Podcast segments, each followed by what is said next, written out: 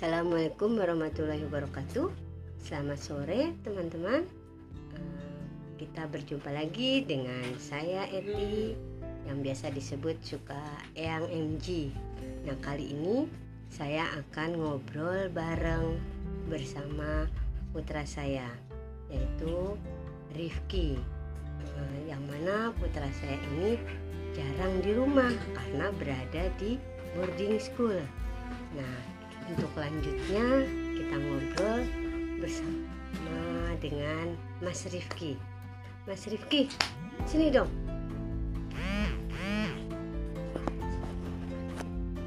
Eh, Kemarin-kemarin waktu di pondok pesantren Kediri itu gimana sih ceritanya? Ih hebat deh, jempol dua mama. Eh, di sana kamu tes apa aja kira-kira? Kenalan dulu dong sama teman-teman mama di sini pemirsa nama saya siapa gitu ayo Assalamualaikum warahmatullahi wabarakatuh. waalaikumsalam warahmatullahi wabarakatuh Hmm, perkenalkan langsung saja. ya Nama saya dari dulu sampai sekarang nggak berubah kok. waduh siapa tuh mas Fazrianda Rifki Al Hafiz. oh hebat hebat panggilannya Bisa dipanggil Rifki. Bebas sih ngang- manggilnya siapa aja. boy boy kalau saya manggilnya boy ya boy Iya, yaudah. Terserah mama.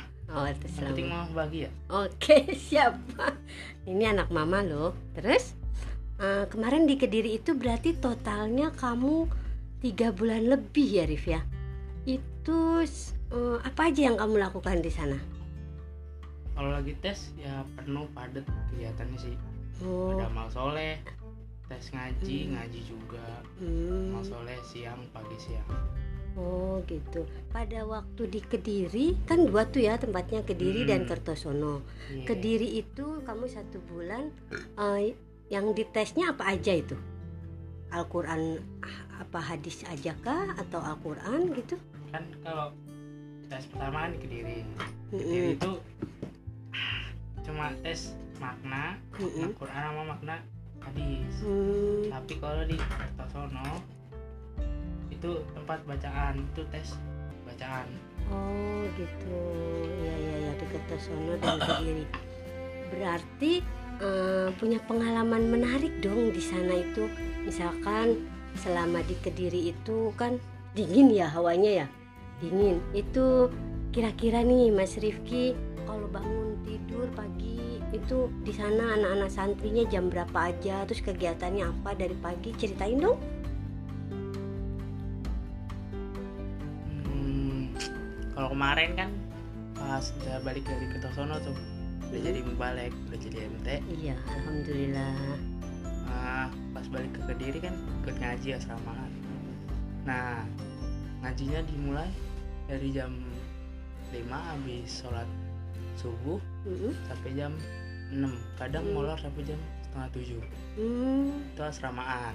Beda kalau ngaji biasa. Hmm. terus lanjut jam 9 ngaji jam 9 mulai sampai jam 11 cuma 2 jam. Hmm, siang istirahat bentar sampai jam 12 eh, sholat habis itu ngaji jam setengah 2 hmm. sampai jam 3 terus sorenya free kagak ada kegiatan bebas yang masalah masalah yang yang nelpon nelpon kadang banyak yang nelpon Nelpon juga. orang tuanya gitu ya keluarga Iya. ya? Hmm, gitu. Bahagia nggak kamu di sana? Seneng Seneng? enak. Enak? Oh gitu. Wah. banyak. banyak teman-temannya ya? Ada dari mana aja tuh kira-kira? Hmm, ada dari Malaysia oh Australia. Oh ya banyak pokoknya oh dari se- luar luar dari se Indonesia juga udah pasti ya kalau di Indonesia ya. Iya. banyak. Wah hebat keren. Nah terus nih lagi pas saat pengumuman pengumuman kelulusan itu rasanya bagaimana? Rasa yang akan mau diumumin kira-kira umum pengumuman itu adanya jam berapa dan bagaimana proses pengumuman itu beda sih cara pengumuman di di yang di Kertosono. Mhm. yang di Kediri dulu deh. Kayak gimana ya?